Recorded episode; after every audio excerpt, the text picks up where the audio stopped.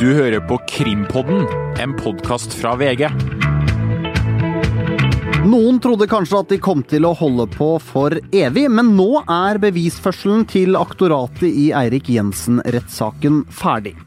Velkommen til krimpodden vår her i VG. Takk for at du hører på. Jeg heter Mats Andersen, og jeg sitter her sammen med rettskommentator Astrid Mæland og krimeksperten her på huset, Øystein Milli. Astrid, etter 60 dager i Oslo tinghus og i rettssal 250, hva slags inntrykk sitter du igjen med? Ja, jeg lurer litt på, er, er det her alt? Kommer ikke noe mer? Det gjør det jo ikke, eh, mest sannsynlig. Aktoratet er jo ferdig, og det å sitte igjen med er den lille summen av 34 800 kroner. Det er alle pengene med cash har funnet hos eh, Jensen. Men de har jo hatt bevisføring nå eh, og, og vitneførsel i lang, lang, lang tid. Helt siden andre uka i januar. Ja, Er du fortsatt skuffa, liksom? ja jeg har håpa på at det skulle komme en eller annen eh, smoking gun, eh, et solid bevis, mens vi sitter igjen med tolkning av SMS-er og sånn lurer litt på hvor pengene er blitt, og kanskje litt mye pengebruk, men det er jo altså da bare vist fram 34 800 kroner, mens påstanden fra Gjermund Cappelen har vært at eh, Jensen skulle ha mottatt mellom 10 og 15 millioner. Det har vi ikke sett noen ting til. Øystein Milli, eh, det er jo tatt ut en tiltale her fordi man har troa på at det kan bli en domfellelse. Sitter aktoratet i lunsjen og tenker at jepp, nå har vi fjerna all tvil og overbevist retten om at Jensen er skyldig? Ja, jeg tror i hvert fall de har fått gjennomført det de hadde tenkt å gjennomføre. og Det virker ikke som det har vært noen uforutsette hendelser for dem. og Da betyr jo det at de mener dette er nok til eh, å få en dom. Så får vi jo se hva dommerne mener. Vi vet jo, vi har jo vært eh, nå gjennom alle disse dagene vært eh, vitne til at Kim Heger, som er administrator, er jo en kar som ikke sitter passiv. Han er meget aktiv og graver og spør og vil ha fakta på bordet. Og um, har ikke alltid vært like fornøyd uh, med aktoratets uh, bevisføring og aktoratets uh, av og til manglende bevisføring. Hva, hva er det han er misfornøyd med, da? Nei, han lurer jo blant annet altså det, det gjelder jo ikke tiltalen, for så vidt, men han er jo veldig lurer fryktelig på hvorfor politiet da Og det handler ikke om tiltalen, men det handler om politiet. Han, han skjønner ikke hvorfor disse varslene om Erik Jensen som alle snakker om i Asker og Bærum, aldri nådde Oslo. Det er en stor gåte for Kim Eger. Han spør om det senest eh, for noen dager siden, så var det igjen et tema. Vi skjønner det vel ikke, vi heller? Vi skjønner det heller ikke. Men det er klart, det er jo ikke noe med tiltalen å gjøre, for det handler om, det handler om politiets manglende evne til å ta tak i potensielt uh, alvorlige interne saker. Men jeg tror han kunne ønske seg kanskje altså en mer, og det er vi jo alle, at det er jo ikke, det er jo ikke, noe, det er noen veldig uklart. Det er påstand mot påstand på veldig veldig mange punkter. Og det er, det er liksom uklart å få tak i hva som er faktum. og så kan jo det hende at det ikke går an å få tak i faktum, fordi det fins ikke noe faktum. Og faktum, som Spesialenheten mener jeg ligger der, er jo at Erik Jensen er en korrupt politimann som har mottatt penger av Gjermund Cappelen i mange mange år, og har fòret han med informasjon og bidratt til å da innføre rundt 14 tonn med hasj. Så sånn sett så kan det hende at det ikke fins noe der, hvis man tenker den veien. Men jeg tror, er, jeg tror, jeg tror retten er De har en omfattende jobb, og de må være Om de ikke er forvirret, så er de i hvert fall i en utfordrende situasjon, hvor de skal uh, sortere alt de har hørt og alt de har sett, og alle påstander som er slengt på kryss og tvers gjennom rettssalen nå gjennom alle disse ukene. Det har kanskje vært litt sånn information overload, tror jeg at særlig dommeren har pekt på noen ganger. Hvorfor skal vi høre om det her, og hvorfor skal vi høre gjentagelsene igjen og igjen? Det er jo en god del ting som både aktoratet og etter hvert Forsvaret, tror jeg, fokuserer på, som ikke har noe med tiltalen å gjøre. Men Er det for mye bevisføring, nå, eller? Så det handla jo bare om å, det om å prøve å bygge opp et bilde av Eirik Jensen som korrupt nå i 60 dager, og så nå i, i ti, to, kanskje to uker etterpå så handler det om å bryte ned det bildet. da. Men det blir mye utenomsnakk om om han var god til å føre sånn og sånn i slike slags system, og når tid han var på jobb, og når han var hjemme. Altså, det blir utrolig mye detaljer. Men det har ingenting med tiltalen å gjøre. Hvorfor snakker man om det? Hvorfor bruker man så mye tid på det i, i sal 250 da? Jeg tror det er For det første så tror jeg nok påtalemyndigheten er, og det er kanskje den fella de har muligens gått i, at de er fryktelig opptatt av selvfølgelig å få en dom her. Det er en prestisjesak som vi aldri har sett før. Og det er klart, en frifinnelse her For påtalemyndigheten er det en skandale. Hvis det viser seg at de har dratt Eirik Jensen inn i retten, dratt han gjennom denne prosessen, og det viser seg at han er uskyldig per definisjon fordi han blir frikjent, så er det en skandale som kommer til å være et jordskjelv internt i, hos aktoratet og påtalemyndigheten. Og det gjør jo med at man tar i som man er sikker, kanskje. Faller for den, tror jeg, da, det grepet at man tar i som man er sikker. og i det bildet så vil man da gjerne bruke tid på å finne ut at Eirik Jensen er en elendig politimann. Eh, så kan man tenke hvorfor er det viktig hvis man skal eh, dømme ham for korrupsjon og, og narkotikainnførsel. Da må man jo tenke at jo, han var en dårlig politimann, og han hadde, han hadde ikke noe sikker posisjon internt. Eh, derfor så var det viktig for ham kanskje å ha et ben til å stå på. Derfor falt han for fristelsen for å kunne motta penger og altså Det, det blir jo litt Jeg vet ikke. Dette blir jo spekulasjoner, men det eneste jeg klarer å forstå hvordan påtalemyndigheten tenker at dette kan ha en relevans, er i den retningen at de da ønsker å på en måte bygge et bilde av en bygge et totalt bilde av Eirik Jensen. da, og, på en måte trekke det at han er en dårlig politimann på en eller annen måte sammen med at han da kan være lettere bytte for eh, kriminelle ligaer og bli en korrupt politimann. Men det er jo søkt. Men jeg tror det må ligge der. Hvordan vil dere karakterisere den bevisførselen vi har sett de siste ukene? De siste ukene så tror jeg Øystein har vært mer retten enn meg. Men jeg bare si det at jeg tror det handler om at de vil bryte ned troverdigheten hans, selvfølgelig. Men det var et morsomt eksempel fra i går, bare mens vi snakka om det. Dommeren sa Vi snakka om en rapport som Jensen har vært med på å skrive sammen med en kriminolog, om, som handla om framtida i Oslos kriminalitet. Så sa dommeren til slutt ja. Nå har jeg skjønt at begge sider syns den rapporten er et makkverk, og ferdig snakka. Altså, det har jo ikke noe å si om den rapporten er bra eller dårlig nå lenger. Så hvorfor i all verden blir den lagt frem i retten, da? Nei, det, det er for å bryte ned troverdigheten. Ja, det er en totalbilde. Liksom. Ja, Uh, og øh, det er klart, det er nok litt fordi at Erik Jensen har jo også blitt omtalt som en veldig flink politimann, og han, vi vet jo alt hva som er Han har hatt en medieposisjon, ja. han har øh, bidratt her og bidratt der, vært en for, for, dialogmodellen vi har hørt mye om kjempa uortodokst mot tunge kriminelle miljøer, vært under press, jobba med et topphemmelig prosjekt. Altså, Dette er jo ting som selvfølgelig forsvarerne er veldig glad i å trekke frem, og da blir det et poeng for Spesialenheten.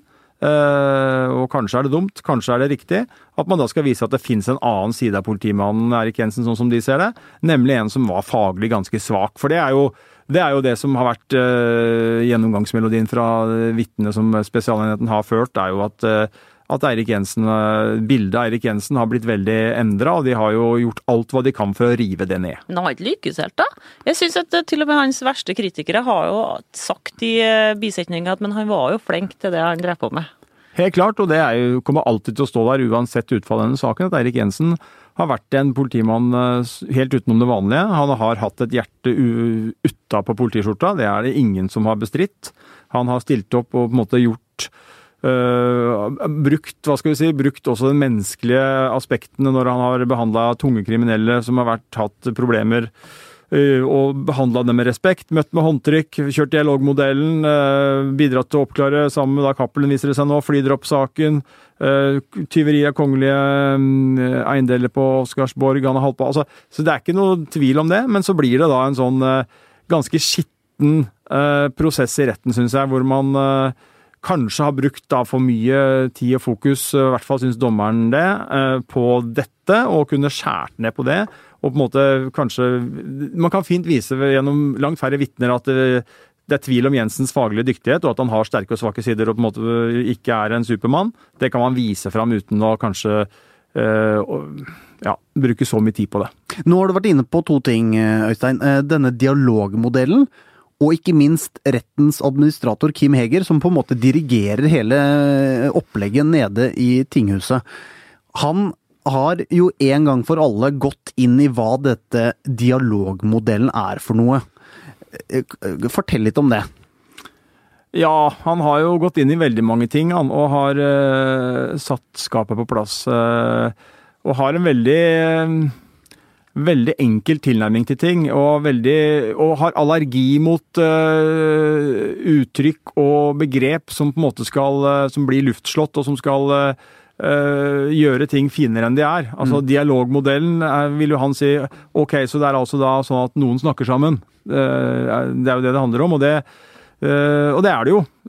så Han har eh, Og da blir det litt sånn parodisk når, når folk som kommer med det uttrykket, dialogmodellen, skal begrunne det, for de må jo svare ja, Ja. når, når Heger spør er det å snakke sammen.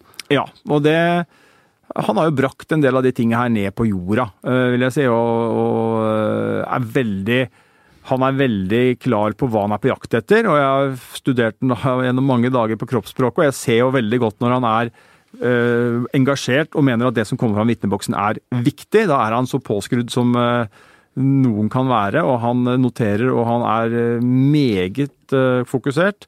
Så ser jeg også perioder hvor han syns at nå er det nok, nå, dette, og da lener han seg tilbake, kan eh, legge armene i kors, se litt i taket osv. Og det kan gjelde på et vitne, men så kan eh, ak- aktørene være ferdige med å spørre ut vitnet. Og det kan være både at han syns eh, aktoratet eh, ikke er på jakt etter det han lurer på, og det kan gjelde forsvarerne. Men, om, men det betyr ikke at vitnet ikke er interessant. For når de er ferdige og Heger har uh, latt de tålmodig holde på, så kan han sjøl ramse opp 20 spørsmål, skarpe og to the point, som han lurer på. Så det er ikke sånn at han syns vitnet er uinteressant, det er mer at han da av og til syns partene ikke treffer Ja, eh, spikeren på. hva slags beskjed er det til eh, partene i retten? At han må på en måte ta over showet? den samme som han har gitt hele veien. Altså, øh, Han er klokkeklar på her ligger en tiltalebeslutning. Det er vårt utgangspunkt som domstol. Det er den vi skal øh, på si, jakte på svarene og dokumentasjonen rundt. Dette er ikke noe arbeidsrettssak, har han vel sagt flere ganger. Og det framstår jo av og til som, når man hører at Jensen har hatt konflikter med sjefen sin Einar Aas, hvordan han har tatt det tungt at han ikke fikk komme tilbake igjen på seksjonen for organisert kriminalitet, hvordan man har strides om denne stillingsinstruksen hans, eh, hvordan Jensen har vært sykemeldt fordi han har hatt denne konflikten. Altså Dette er jo ting som eh, Heger i veldig veldig, veldig begrensa grad eh, har noe lyst til å høre på.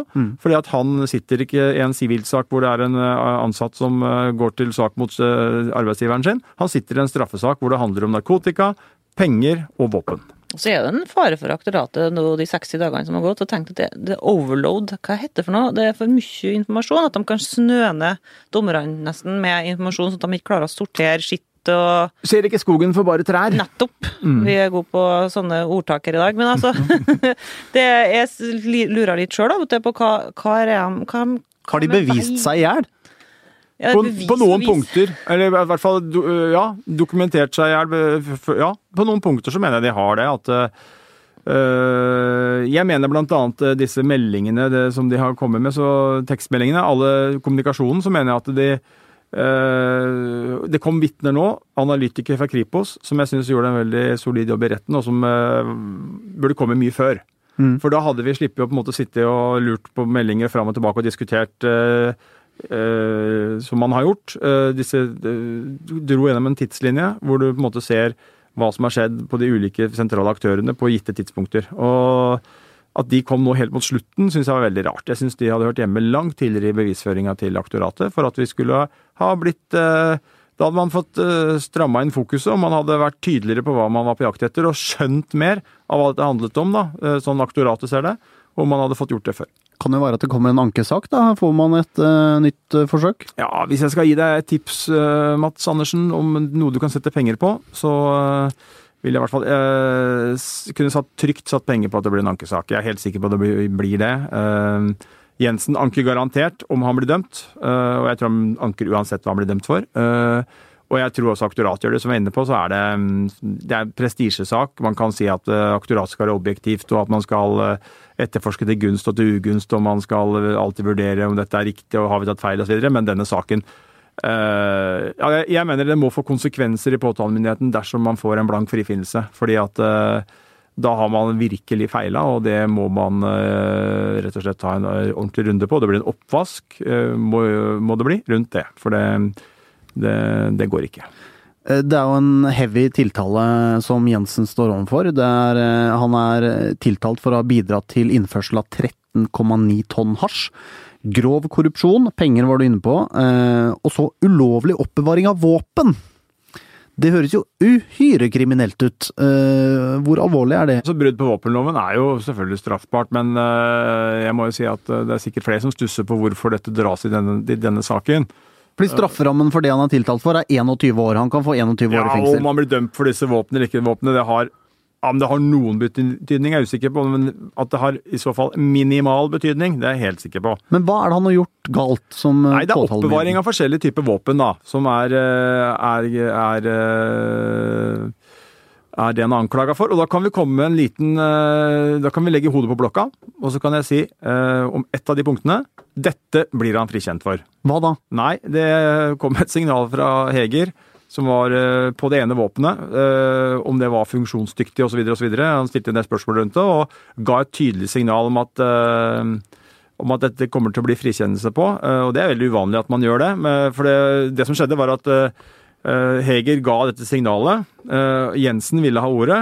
Etter at han har gitt det signalet? Ja, så sier Heger eh, Jensen, vil du fortsatt ha ordet selv etter det signalet jeg har eh, gitt deg nå?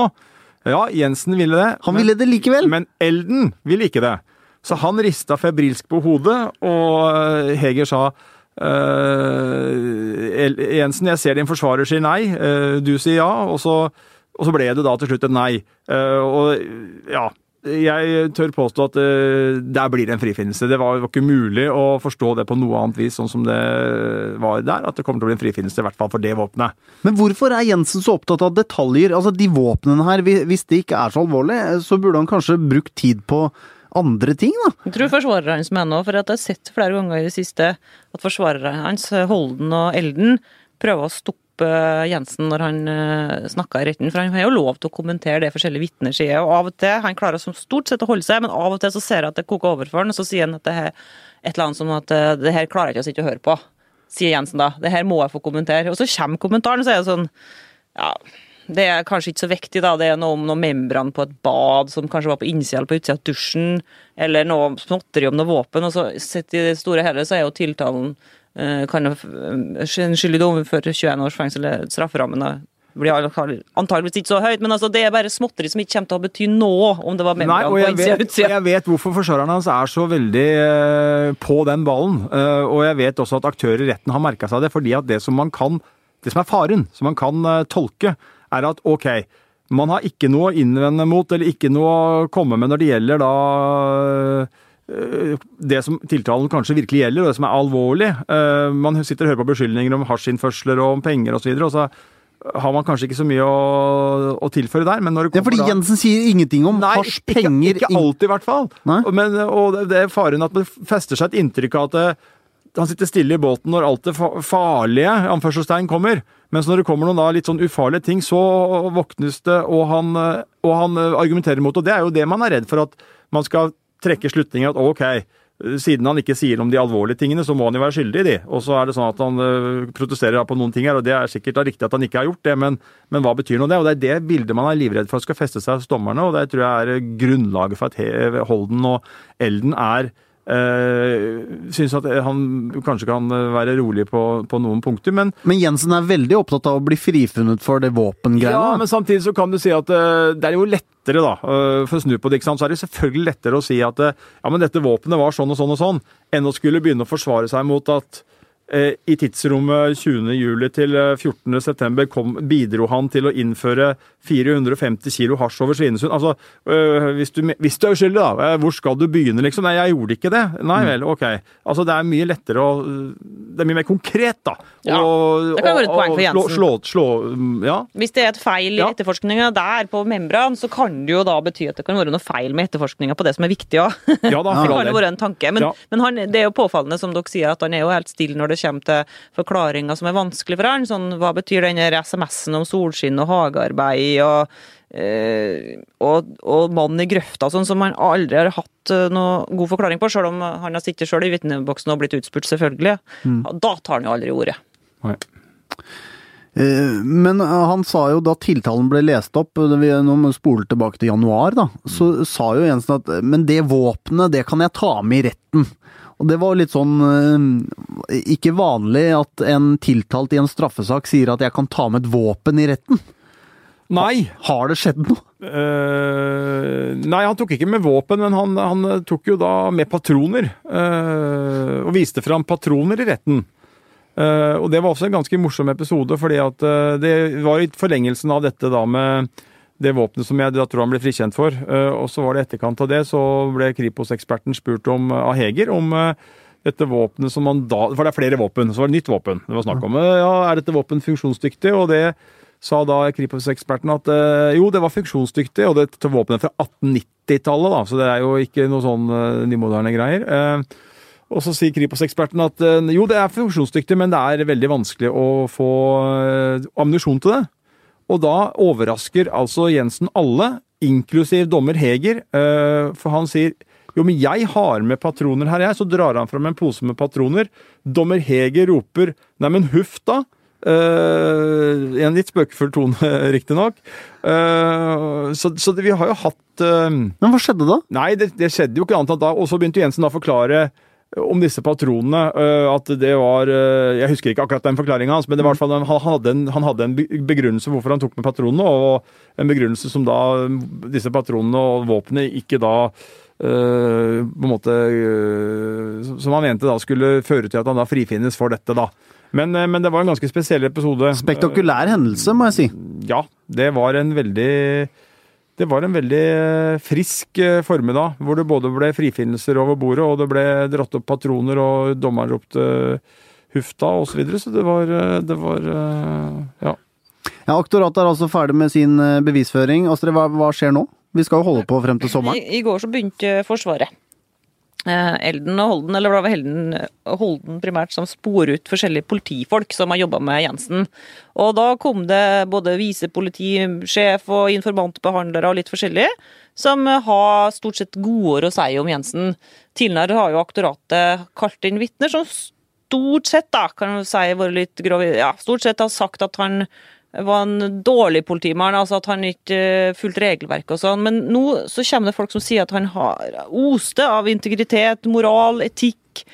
Uh, var til og med en som kalte han visjonær. Og var ganske godt vitne i går. Uh, en uh, informantbehandler som har vært ute og snakka med kilder sammen med Jensen, blant annet. Holdt på i årevis med det her, og han sa at, at Jensen var mm, svært god diskusjonspartner, faglig svært god.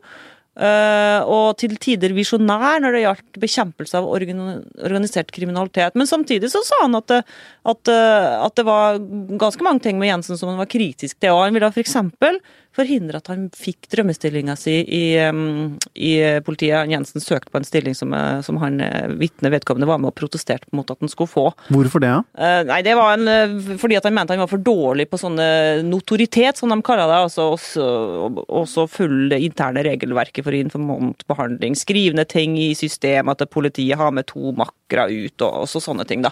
Men likevel svært god, mente han. Det var, det var et spesielt godt vitne for Jensen, det, for det er jo en del som virka som de er med i fanklubben. sant? At de, de, de evner ikke å se en eneste feil med sitt, sin store helt, nærmest. Det er noen som har vært litt sånn. Eh, men når du, når du, har en eh, fyr som, som samtidig er svært solid i vitneboksen og virker som en god, flink politimann sjøl, og som er kritisk til Jensen, men samtidig sier at han er umulig kan være korrupt, ja.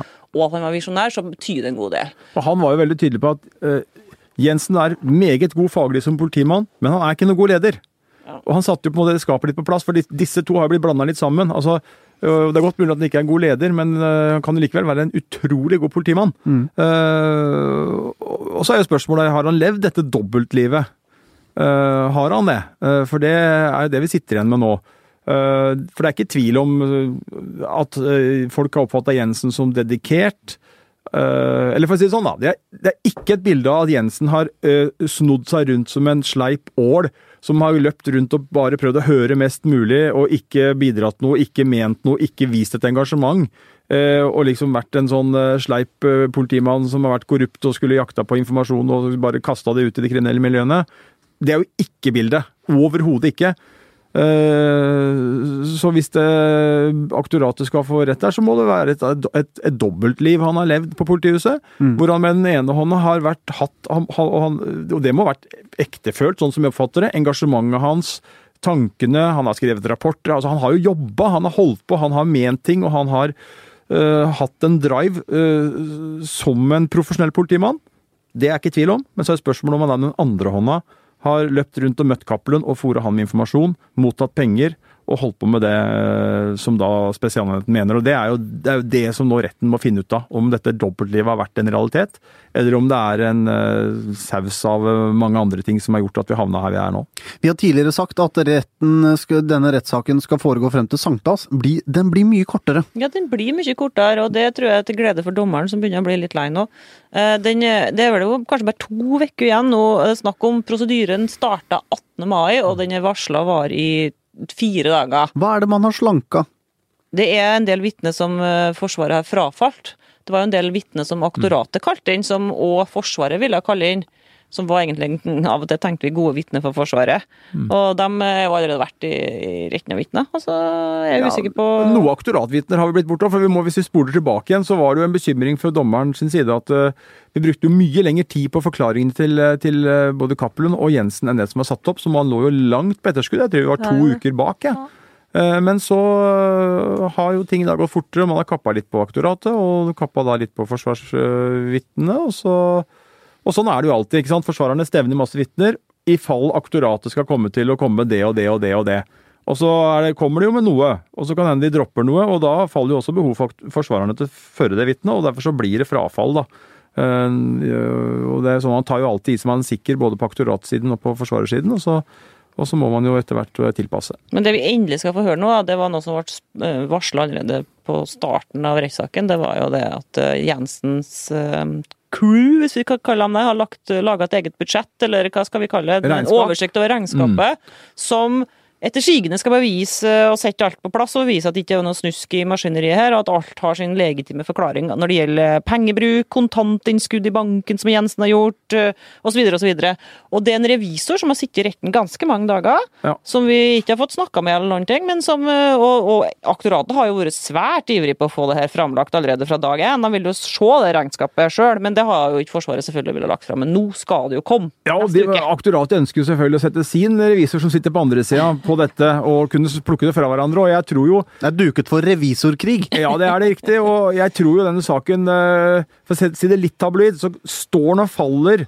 Penger! på penger og hendelsene høsten 2013. Men Astrid har jo sagt at det er jo nesten ikke noe penger som er blitt funnet. Det er jo forsvinnende lite. Uh, nei, ikke, ikke, det er ikke funnet penger, men det er jo funnet veldig mange Innskudd. innskudd. Og det er, vel, altså det er dokumentert at det har vært mye kontanter i omløp her. Det er det ikke tvil om. Ja, over to millioner, tror jeg. Jensen har jo hatt mye kontanter, og det har man jo dokumentert med at han også har hatt et ganske sånn litt rart eh, mønster på hvordan han setter det inn. Og man, man kan jo med aktoratbriller si at det er ting som eh, virker rart her. Det er jo en del som del, Det er det særlig Jensen aldri ønsker å snakke om, annet enn når han ble pressa på det. Han har forklart det med at han har eh, liksom tvangslidelse og sette inn penger i banken Det er en slags sånn security-greie. Bare tull, altså. Og kan ikke forklare litt, ja. Så, der, så det- der er det litt eh, så jeg, Men jeg tror altså Er det det han sliter mest med, eller? Ja ja, det er penger. Altså Hvis revisoren til eh, Jensen klarer å overbevise retten om at her er det null Det har ikke dokumentert at det er fått noen penger fra Cappelen. Så, så ryker jo eh, korrupsjonstiltalen fort bort.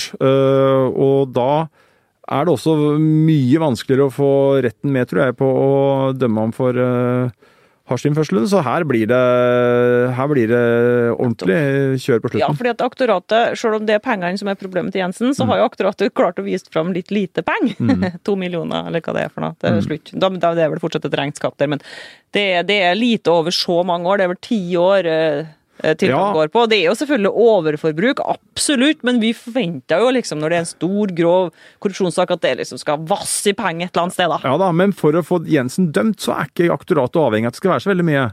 Eh, og så må vi huske på at du kan også over så mange år, så i hvert fall for min egen del, så kunne jeg fått ganske mye cash kontant eh, i hånda av noen. Eh, og man skulle hatt veldig store problemer med å finne igjen de penga i min private økonomi, fordi at man, man kan lett eh, det er, vi, vi bruker mye penger, det er store Men, men ting. sier du nå at, han, eh, at de sporene av innskudd som er det, Han har jo satt inn Ja. veldig mye penger i bank og i, i posten og sånn, at i tillegg er mye utover det?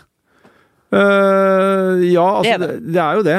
Hele dette badet er jo beregna inn. 300 000 som han skal ha fått i, eh, på å si, i penger. Altså, han har jo fått da betalte tjenester, da.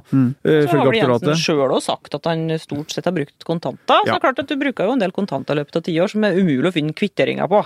Ja, så- men, men, altså, for, men det var det som var poenget mitt. Altså, fra, fra påtalemyndighetens side, om det er liksom én million, eller to millioner, eller sju millioner, eller ti millioner, Nettopp. har ikke noe stor betydning. Bare det er overforbruk. Bare det er overforbruk, og bare du kan si at han har fått penger som ikke kan forklares, og de pengene må komme fra Cappelen, og kan bevise det, så kan det, holder jo sånn sett med å få en korrupsjonsdom, så holder det med én million eller to er millioner. men, eh, men hvor mindre den summen er, hvor lettere er det for han revisoren til Jensen-gjengen. Å komme til null, ja. Det er til null. Ja, ja, ja. Det er det. Så mm, ja. I intervjuer før den saken her startet, eh, altså i fjor, så sa Jensen at det kommer til å bli stygt, og jeg kommer ikke til å spare noen. Når er det det blir stygt, og når er det folk ikke blir spart? Jeg tror at, eh, at han mente at han eh, Det han må ha tenkt på, var at han skulle eh, snakke om informantjobben sin. Og det der hemmelige prosjektet som har vært mye snakk om, som fortsatt er så hemmelig at vi ikke har fått visst noe mer om det. Ja, De lukker jo og låser rettssalen når de skal snakke om det. Ja, så han har jo sagt en god del sikkert bak lukkede dører som ikke vi har fått hørt, men, men det er jo ikke noe sånn det er jo ikke noen eh, som Nei, altså, har hengt ut her sånn personlig. Nei, det han har jo, han har jo da, for, altså det han har gjort, og det, har jo, det, har jo, det glemmer vi kanskje litt nå, men det, og det, det var jo Cappelen og De Vibe var ikke komfortable med at I utgangspunktet var ikke de så veldig komfortable med at Cappelens rolle skulle blåses for alle dem her. For at eh, Cappelen har jo vært eh, jeg tror, han, han er det mange kriminelle som ikke syns særlig om. fordi at han har jo spilt også et dobbeltspill. Han har, Samtidig som han har vært en eh, yrkeskriminell og proff, så har han jo da vært Jensens informasjon og angitt andre. Og det er klart, det er ikke noe eh, som alle kriminelle setter pris på. Nei, og så, så husk, på, husk på det at um, De Vibe og sånn var jo litt inne på sporet at dette kunne være lukka dører, og ville nok helst lukke dette ned. Uh, og Jensen har jo uh, Og det har, viser seg å være riktig òg, for mye av det i hvert fall. For Cappelen har jo bekrefta det, og det er ingen som har motbevist mye av det Jensen har sagt. Så Jensen har jo på en måte Blåst han som kilde. blåst han som kilde, og fortalt eh, klart og tydelig hva Cappelen har gjort, og hvordan han har holdt på. Eh, så, og han er også selvfølgelig Det er jo heller ikke sånn Jeg syns jo ikke alt ser like pent ut av det som ligger igjen etter personalpolitikken til Oslo politidistrikt heller. Han har jo fortalt litt, og det har jo kommet fram fra andre, og vi har et bilde.